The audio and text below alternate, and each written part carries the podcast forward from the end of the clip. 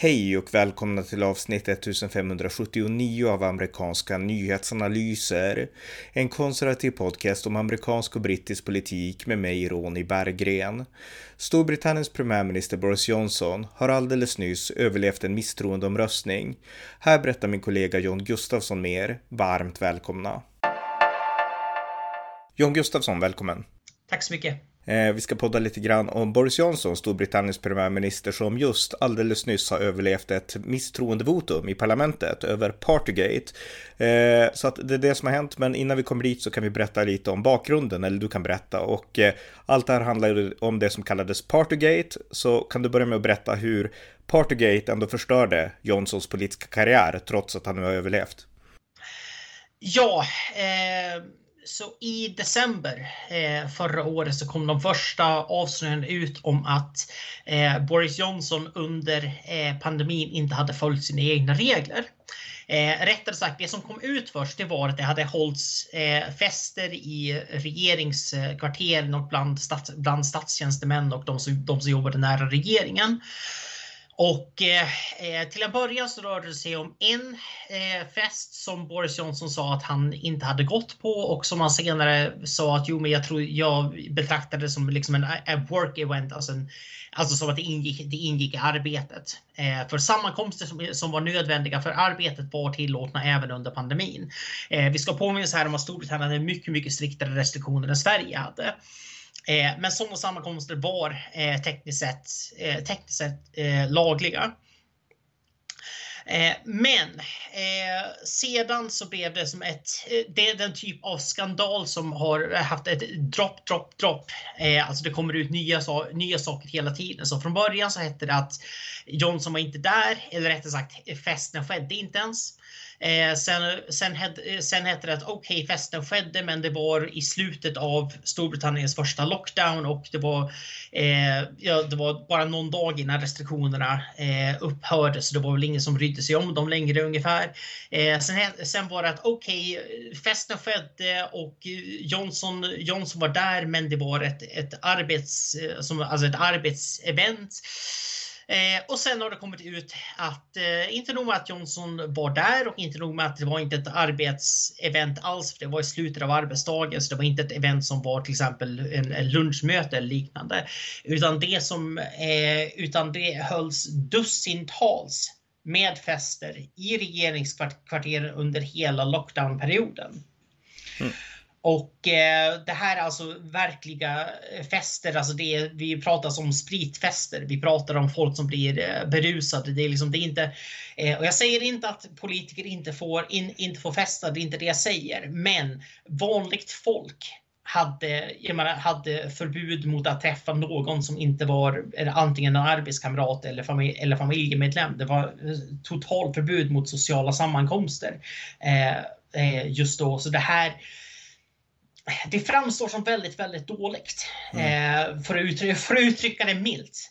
Och och det, här, eh, och det här har gjort att eh, så de konservativa partiet har inte lett i opinionsmätningarna sedan den här skandalen började uppdagas. Så innan det här började så hade man 6-7% ledning och då ska vi påminna om att man vann valet med 12,5 eh, så sent som i december 2019. Eh, och det här har nu vänts till ett underläge med ofta runt 8-10 eh, mm. jämfört med Labourpartiet.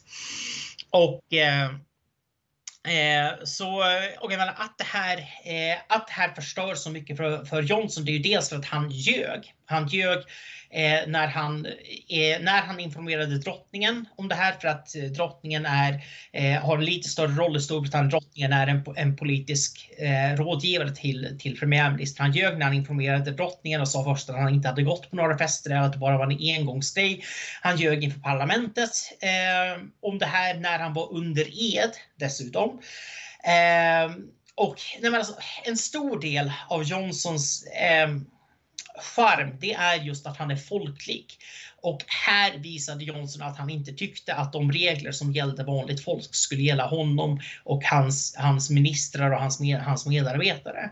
Eh, så det här, det, nej alltså det, det, det förstör. Det, mm. finns, eh, det finns säkert många mer proffsiga politiker som hade kunnat komma undan med det här för man förväntar sig att de inte ska leva enligt reglerna. Men för Johnson så hamnade liksom, han är den, den folkliga konservative om man säger så. Det han eh, och det, det så att säga det är det svärd som han nu, han nu har fallit på kan man säga.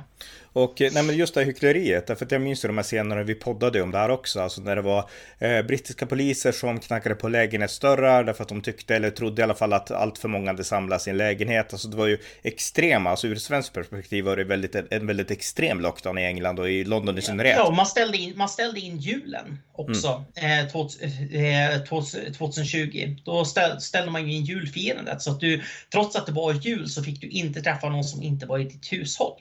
Mm. Så alla liksom släktsammankomster, och det gjorde man med en vecka kvar till julen. Och sen så kommer det ut att precis samtidigt som man meddelade att vi ställer in julfirandet för alla britter, så har man själva en jättestor julfest i regeringskvarteren.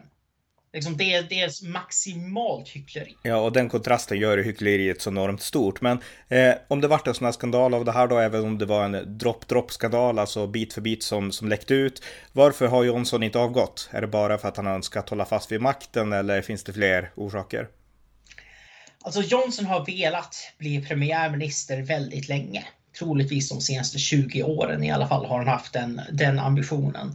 Eh, det finns eh, premiärministrar som nästan halkar in i positioner och de brukar ha lättare att släppa den för de förväntar sig aldrig att hamna där, där till att börja med. Uh, Boris Johnson är inte en av dem. Han har sett sig som en, en prime minister in waiting i åtminstone 15-20 år. Och uh, för Johnson så handlar det också om att han skulle egentligen ha tagit premiärministerposten eh, redan, redan 2016 efter folkomröstningen då David Cameron avgick och ersattes av Theresa May. Där Johnson fick sin egen eh, partiledarkampanj eh, saboterad från insidan. Det var en historia, vi har poddat om det. Michael Gove var mm. involverad. Ni kan googla på det om ni är intresserade. Men kort sagt, det här är Ni kan googla via... amerikanska nyhetsanalysers poddarkiv kan sägas. ja, precis. Precis. Vi har, vi har, vi har poddat om det här flera, flera gånger. Och, eh, så man kan väl säga att nej, han känner väl på något vis att han, liksom premiärministerposten är, är hans. Eh, sen är det ju det att Johnson har inte, jag menar, jättemycket eh, respekt för Eh, kanske dels inte jättemycket eh, respe eh, respekt för opinionsmätningar, men framförallt har han inte så mycket respekt för sitt partietablissemang. För att där har det funnits röster hela tiden som har sagt att det här kan du inte vända, du måste avgå. Men eh, Johnson kommer inte från partietablissemanget. Han är en, en outsider och det är på gott och ont såklart. Men Eh, men det gör också att det är väldigt få personer som Boris Johnson tar råd av. Eh, och en av de som vi vet att han lyssnar på det är hans fru. Eh, och det är troligtvis det som har, det, det som har fällt honom. Eh, för att, eh, vi kan också påminna, påminna om att anledningen till att det här läckte ut, hela den här eh, hela, hela den här Partygate-skandalen, det var ju för att Dominic Cummings som var en av ledarna och, och chefstrategen för, för Brexit-kampanjen 2016 eh, vände sig emot Boris Johnson och avslöjade att allt, här, allt, allt det här hade hänt. Och sen började journalister gräva och kom på, eh, upptäckte en massa fler event som inte ens Cummings kände till. Och det var ju för att Boris Johnson hade avskedat och skickat ut Cummings i kylan efter att hans fru hade övertalat honom om det. Så att eh, väldigt mycket av det här faller på Carrie Sim Simmons. Sen eh, är ju såklart, det är ändå Boris Johnson som är premiärminister. Men mm. eh, men när, när, när sen, sen över det att jag menar, eh, opinionsmätningar har varit volatila tidigare. Eh, vi ska påminnas om att i våren 2019 innan Boris Johnson tog över så låg de konservativa under ganska stort i mätningarna. Och eh, det här berodde då, eh, det här berodde då inte minst, eh, alltså det var under Theresa Mays eh, sista, sista månader som, som premiärminister och Brexit Party hade nyss startat. Och, eh, men det är helt annorlunda och det är helt annorlunda omständigheter. Jag menar att, att det där underläget vändes, det var ju för att Theresa May eh, faktiskt avgick. Och eh, det gjorde att de konservativa fick en ny start och sen så eh, nådde man en överenskommelse med Brexit Party så att man inte hade den konkurrensen längre. Nu finns det inget sånt, utan om de konservativa ska vinna, då måste man vinna väljare tillbaka från Labour. Det räcker inte att ha Ukip, Brexit Party-röster, för det, de finns inte kvar längre. Utan det enda sättet nu, det är att vinna över Labour-väljare.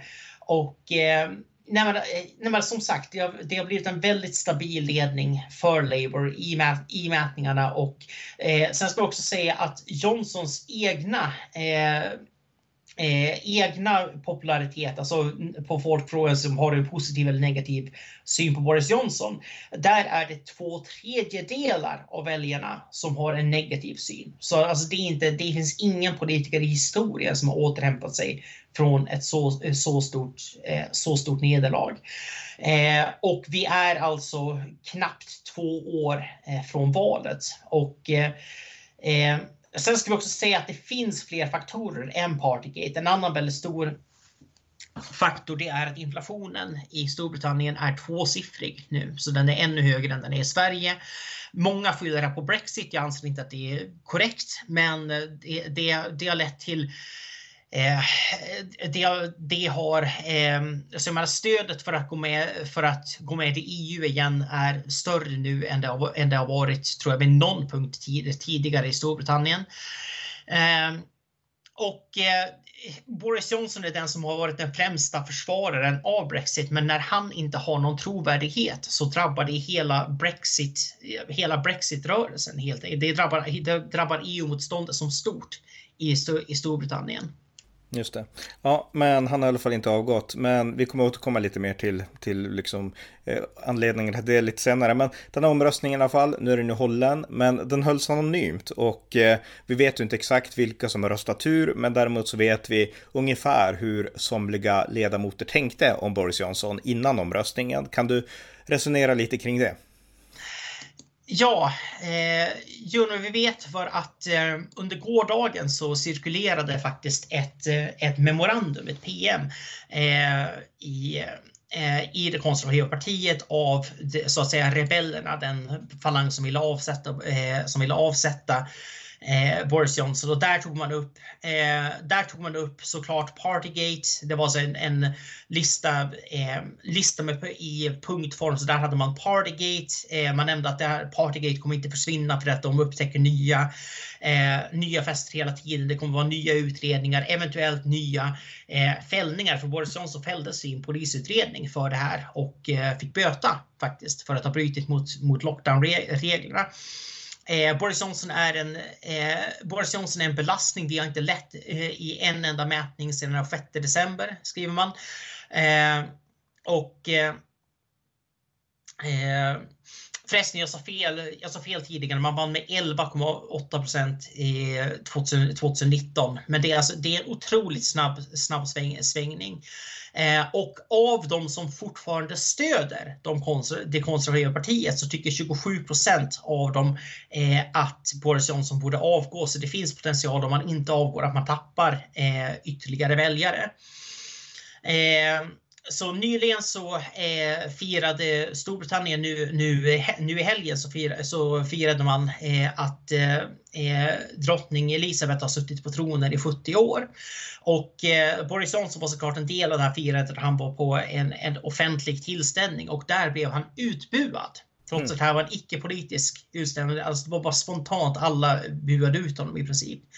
Eh, det här eh, eh, sen säger man att det faktum att folk inte litar på Johnson gör att till och med populära policies som vi har börjar bli impopulära.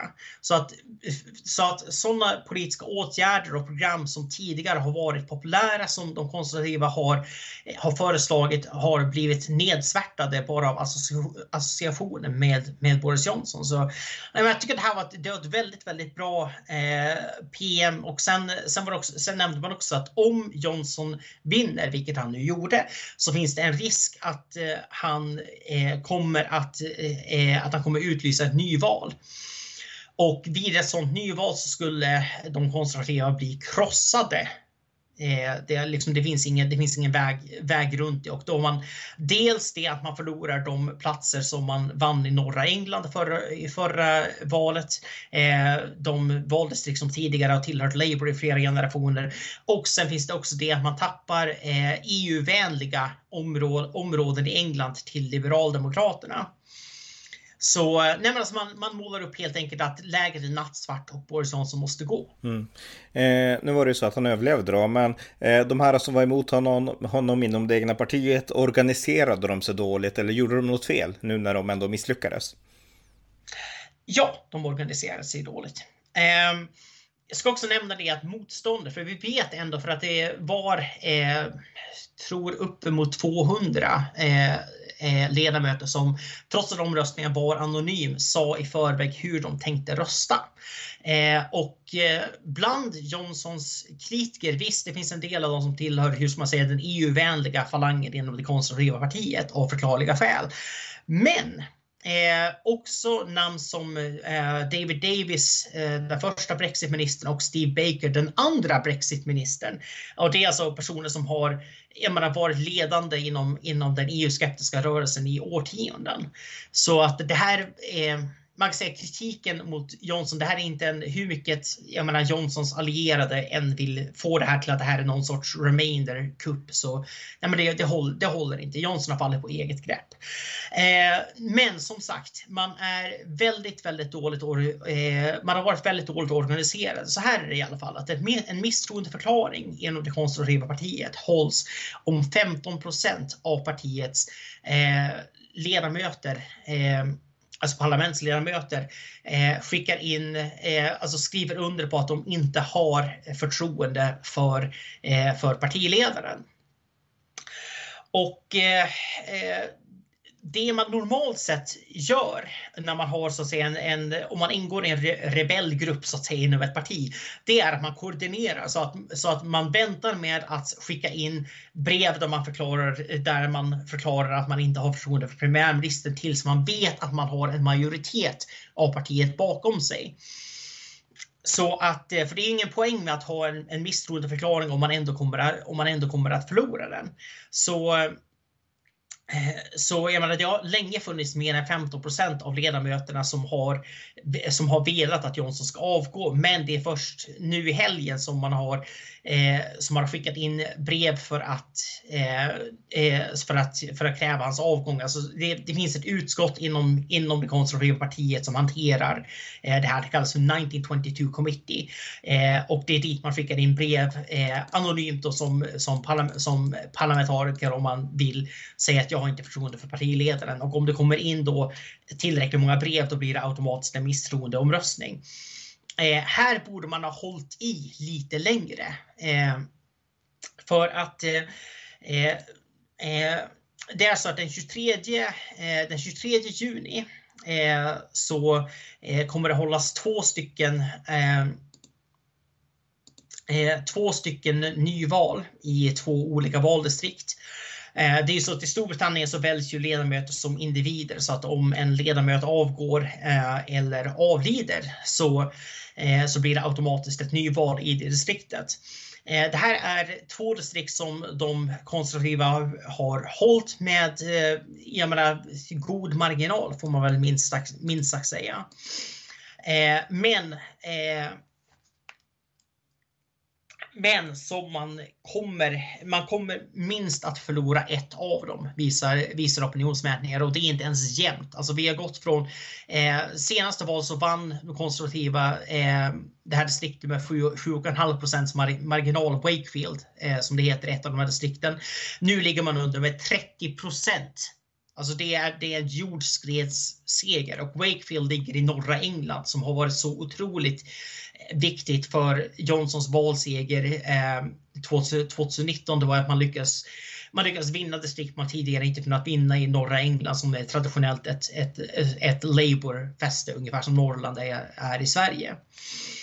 Eh, och det här visar ju på att man, håll, man håller på att förlora. Eh, man håller på att förlora de Eh, de, de, de distrikten igen. Så hade man väntat sig efter det, då hade man kunnat säga att ja, men nu har vi ju indikationer på att det här är inte bara opinionsmätningar. Nu har vi valresultat som visar att jag menar, väljarna har inte förtroende för det konservativa partiet längre. Eh, så ehm, så hade man bara gett sig till tåls några veckor till. Men det här tyder ju också på att det är eh, det är många som har känt eh, så att säga som har känt att vi måste, vi måste agera nu. Man har agerat lite panik, eh, lite panikartat helt enkelt. Och, eh, och det är min mening därför som, som Johnson har vunnit den här omröstningen. Mm. Och, eh, men alltså, han vann omröstningen eh, och vi kan gå in på fler detaljer där om en stund. Men eh, alltså, även om han vann omröstningen så anser du ändå att han har förlorat. Därför att ofta så räcker det inte enligt dig att vinna en sån här omröstning i en misstroendeförklaring. Utan det här är ändå början till slutet på något sätt. Eller hur, hur ser du på saken?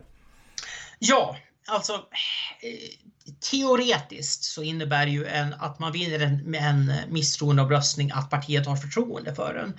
Och eh, det innebär också eh, att eh, för om en partiledare vinner en misstroendeomröstning så kan man inte hålla en ny misstroendeomröstning eh, under de kommande 12 månaderna. Eh, det är dock regler som kan ändras och det har man diskuterat, men så, så är reglerna som de är just nu. Men saken är den att om man blir utsatt för en misstroendeomröstning, även om man vinner, så eh, jag menar, det finns ingen partiledare som har återhämtat sig från det här. Eh, och då kan vi nämna Theresa May. Eh, vann, sin, eh, vann 65% av rösterna i den misstroendeomröstning som hon utsattes för i december 2018. Eh, ett halvår senare så var hon ändå borta. Så eh, eh, för att hennes auktoritet inom partiet, bara det att det fanns ändå en tredjedel av partiet som uttryckligen inte ville ha henne som partiledare. Eh, hennes auktoritet var borta. Mm. Och eh, eh, ska också näm nämna att Margaret Thatcher eh, vann sin misstroendeomröstning 1990 med 55% av rösterna, men hon fick ändå avgå. För att du kan inte styra ett parti när du har 45 av, av ledamöterna emot dig. Det går bara inte. Mm. Så, eh, och eh, nu ska vi, nu ska vi nämligen nu fundera hur gick det i den här omröstningen? Jo, eh, 59 stödde, eh, stödde Johnson och eh, eh, 41 procent eh, ville avsätta honom. 211 röster mot 148 blev det. Och det innebär alltså att han är, alltså Margaret Thatcher inte kunde överleva med visserligen lite mindre, 4% mindre stöd, men då kommer han inte, då kommer han inte överleva heller då? Thatcher var in i det sista kultförklarad inom stora delar av det konservativa partiet. Eh, även vad som än hände Thatcher så fanns det en grupp som var fanatiska Thatcher-sympatisörer. Eh, någon sån grupp finns inte för Johnson. Mm. Och eh, det är också det att Johnson är inte särskilt väl grundad bland parlaments, parlamentsledamöterna. Han är, han är en outsider i grund och botten. Eh, så eh, och som sagt, jag menar, Theresa May eh, vann fler röster, en, en, större andel än Johnson vann ikväll. Och eh, det gick ju som det gick för henne ändå.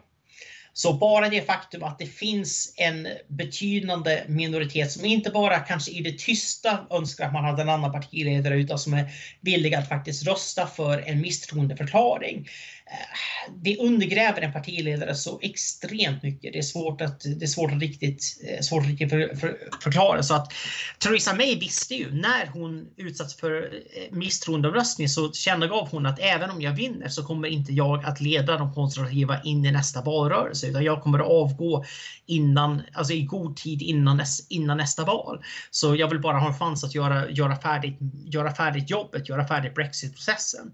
Eh, och det var därför hon vann i slutändan. Så de konservativa kände att okej, okay, om hon ändå ska liksom om hon ändå ska avgå så behöver vi inte ställa till med teater med att, av, med att avsätta henne. Eh, så, mm. eh, så och sen fick hon inte slutföra den, den processen, men det är ju en, det är en helt separat, separat historia. Eh, ja. Så, eh, så, så, så, det finns, eh, men, men grejen är att både Thatcher och, eh, och Theresa May som är väldigt, väldigt olika som, poli som politiker och Thatcher är mycket bättre än May.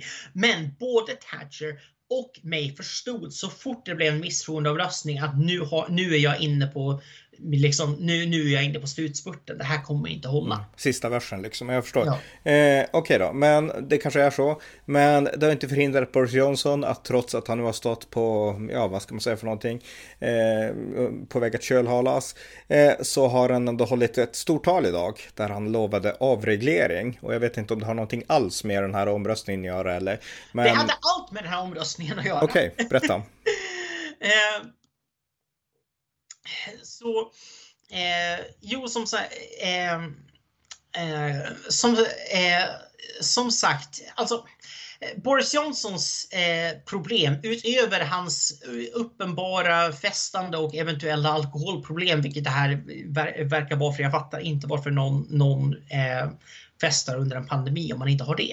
Eh, men eh, men utöver, utöver de problemen, utöver den här mediekampanjen och hur, hur, hur man nu ska uttrycka det, så är hans problem att hans politik har inte varit särskilt höger utan Johnsons fokus har varit på att han ska behålla eh, norra England-distrikten och det är ju distrikt som återigen som sagt traditionellt är socialdemokratiska eh, som röstar på Labour. Eh, och därför har han fört en väldigt, väldigt försiktig mittenpolitik inom, inom de ekonomiska områdena. Han har ökat statliga utgifter, inte bara under pandemin utan efter också. Han har höjt vissa skatter, sänkt vissa andra ska ju sägas, men eh, alltså man kan väl säga så här, den högerfalangen inom det konservativa partiet är verkligen inte glada eh, över Johnson. De gillar inte heller att han är eh, så entusiastisk eh, kring det här med att eh, stoppa klimatförändringar och ha net, eh, netto noll utsläpp, utsläpp i, Stor, i Storbritannien. Eh, så det eh, så ja, i ett tal, ett tal tid, tidigare eh, som han höll inför eh, konservativpartiets eh, ledamöter eh, så lovade han att, eh, att använda avreglering för att minska levnadskostnaderna. Som sagt, Storbritannien har väldigt hög inflation. Eh, många människors löner har inte hållit samma takt som, som inflationen. Det har gjort att det finns en cost of living crisis, eh, alltså levnadskostnadskris. och nej men Boris Johnson pratade kort sagt som en konservativ här. Han, eh, så han vill avreglera framförallt eh, framförallt transport, eh, transportsektorn. Eh, jag antar att han menar eh, både bilar och kollektivtrafik här. Eh, han vill avreglera eh, barnomsorgs, eh, barnomsorgssektorn och säger att det finns många onödiga regler där som inte, som inte behövs längre.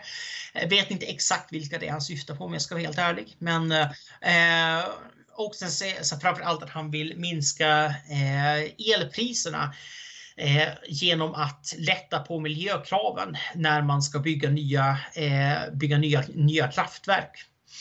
Eh, så han sa bland, bland annat att, att, att, eh, så en sak som Storbritannien satsar mycket på det är vindkraft till havs. Eh, och då sa det här att man ska kunna bygga vindkraft till havs även om det stör några alger. Mm-hmm. Mm. Så, nej men det, och jag tror ärligt talat att det, det är det som har, som, har, som har räddat honom. För att vi ska också näm nämna det att det är inte helt, det är inte helt säkert eh, vem som skulle ta över eh, de konservativa som partiledare. Det skulle hållas ett partiledarval. Vi vet inte exakt vem som skulle vinna det. Men där kan Jonsson mycket väl ha sagt jag menar, till, till de som är höger i partiet att okej, okay, jag fattar, jag måste, gå åt, jag måste gå åt höger. Men om ni röstar bort mig, då finns det en risk att någon riktig liksom, vänsterkonservativ person, person vinner och dessutom finns det en risk att någon EU-vän vinner parti, partiledarvalet.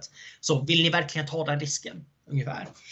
Jag tror i och för sig att den risken är ganska liten, men det, jag menar, det finns, jag menar, det finns en jag, jag kan se liksom som säljargumentet. Mm. I alla fall. Jag förstår. Eh, intressant och eh, nu har du varit inne på den frågan lite så jag frågar igen. Alltså du och jag har ju poddat i flera år, alltså sedan 2013 om brittisk politik. Jag kan inte 2012. Så... Ja, 2012 till och med. Och eh, du är den som kan det här bäst såklart. Jag, kan, jag lär mig av dig så att säga. Men, men vi har poddat också väldigt mycket om de aktuella ministrarna, speciellt eh, i samband med att Theresa May var på väg att ersättas och sådär.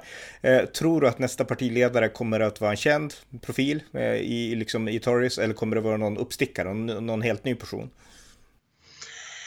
Eh, ja, alltså det om vi ska om man ska gå bara på eh, bara bara på på odds eh, för att eh, Eh, bettingmarknader brukar kunna vara ganska, eh, ganska, ganska, ganska korrekta här. De förutspådde att Boris Johnson skulle bli partiledare och de förutspådde Theresa May. Ehm, det är ganska jämnt med Jeremy Hunt eh, som är en, tidigare, tidigare utrikesminister är ju en av dem som, som, som, näm som nämns här. Eh, jag är väl eh, en smula, eh, en smula skeptisk Eh, Eh, till, eh, till Jeremy Hunt och det är av en enda anledning och det är att han var för att stanna kvar i EU under folkomröstningen 2016. Sen har han visserligen, jag menar, han har bytt ton, han har sagt att jag menar, vi måste respektera folkets vilja. Han var inte en av de som pratade om att ha en ny folkomröstning eller gå med i EU igen eller på något vis. Men när man ska förhandla med EU, och det kommer Storbritannien behöva göra även i framtiden, när man ska göra det är det jätteviktigt att man faktiskt tror att brittisk självständighet från den Europeiska unionen är något bra. Det är den svagheten som fällde Theresa May. Theresa May också stödde Remain under folkomröstningskampanjen. Och bara det att hon inte egentligen trodde på, på hela Brexit-projektet gjorde att hon hamnade i en väldigt dålig förhandlingsposition gentemot EU för de visste att det här var ingenting som hon var fast besluten om att, om att genomföra. Även om, jag menar Theresa May, jag menar hon är en av de sämre konservativa premiärministrarna men hon är fortfarande betydligt bättre än någon, än någon vi har haft i Sverige på flera årtionden. Theresa May respekterar folkets vilja. Hon skickade in eh, eh utträdes, utträdesansökan till, till EU. Hon, hon gjorde sitt bästa men hon saknade, hon saknade själv, självförtroende och det är det som Boris Johnson hade och det är därför Boris Johnson har varit en så bra premiärminister trots de här skandalerna, trots hyckleriet, han har gjort väldigt mycket bra. Han har tagit Storbritannien ur EU, han har förhandlat ett väldigt bra utträdesavtal med EU. Han har, är en av de avgörande anledningarna till att Ukraina har kunnat stå emot den, den ryska, ryska invasionen. Uh, nej alltså, Boris, Johnson, Boris Johnson har gjort det bra. Theresa May gjorde det åtminstone bättre än i princip någon svensk politiker i mannaminne. Uh, men eh, ja, det, det, det, räcker bara, det räcker bara inte nu, inte under de här omständigheterna. Mm. Och risken är, om Johnson sitter kvar, så så är risken uppenbar att Labour vinner nästa val och då kan Brexit vara i fara faktiskt. Eh, vi, ska nämna, vi ska nämna här, Labour leds av Keir Starmer. Keir Starmer som var Labours absolut mest ledande förespråkare för EU-medlemskapet. Han var deras skugg-Brexit-minister vars Brexit-policy var att ställa in grejen. Eh, så eh, jag menar, det är en person som inte kan riskera att få som, få som premiärminister, även om man kan tycka att Johnson har blivit orättvist behandlad ibland, visst. Men politik handlar om att vinna val och det finns de som kan vinna val som inte, som inte heter Boris Johnson och nu måste, eh, nu måste laget gå före, gå före jaget. Nu måste man sätta partiet främst här. Eh, jag också säga att eh, av de eh, lite mer acceptabla eh, alternativen som jag, som jag ser så har vi bland annat Liz Truss och Penny Mordaunt, båda två, eh, båda två Brexit, eh, Brexit eh, anhängare. Eh, jag tror Penny Mordaunt eh, i synnerhet skulle, vara, skulle kunna vara ett väldigt bra val för hon är lite mer av en outsider. Liz Truss är väldigt knuten till Boris Johnson så vill man ha en ny start om man behöver en ny start så skulle Penny Mordaunt kunna vara ett bra val. Eh, och det är väl den av de eh, outsiders så att säga som har, som har bäst odds. Sen finns det även Tom Tugendhat som är en remainer som jag hoppas vi kan hålla väldigt långt borta från maktens lokaler. Eh, och såklart Rishi, Rishi Sunak, eh, finansministern som eh, är ett, ett, ett Eh, populärt namn och godtagbart alternativ men jag misstänker också står lite för nära Johnson för att kunna ge partiet en nystart som man behöver. Men eh, ja, men så är läget. Ja, ja, men perfekt. Vi får återkomma när det närmar sig beroende på hur det jag går. Jag vill också mm. nämna förresten, bara eftersom vi pratar om Theresa May. Hon kom till den här misstroendevoteringen iklädd en festklänning, alltså verkligen en balklänning. Hon, var, hon, var hon skadeglad eller var liksom? Ja, det är det som är, det är, det som är, som är grejen. För att Boris Johnson var en av de som arrangerade misstroendevoteringen mot henne för några år sedan. Och nu är det ungefär som jag. Payback's a bitch. så det här var, något, det här var något, något, att fira ungefär. Att hon fick, hon fick vara med och rösta emot Boris Johnson. Däremot känns det som att hon kommer aldrig bli partiledare igen. Det tror jag inte. Nej, nej, det kommer det kom hon inte. Och jag menar, Theresa May hade i princip inga partiledare Eh, ambitioner till att börja med. Och det är därför som hon gav upp makten så mycket enklare än, än Johnson gjorde. Mm. Eh, så att de flesta trodde inte att David Cameron skulle avgå. Sen gjorde, sen gjorde han det lite chockartat morgonen efter folkomröstningen. Och sen blev det bara, alltså de flesta var inte beredda. Och eh, Theresa May var Nej, men hon var en typisk caretaker, en, administratör, ett säkert val. Och eh, Ja, hon, hon vann väl av, av, av, den anledningen och i brist på, på starkare, starkare kandidater. Men hon var inte en sån som hade drömt om att bli premiärminister hela livet. Det, jag tror att Boris Johnson har i alla fall drömt om det i 20 år som sagt.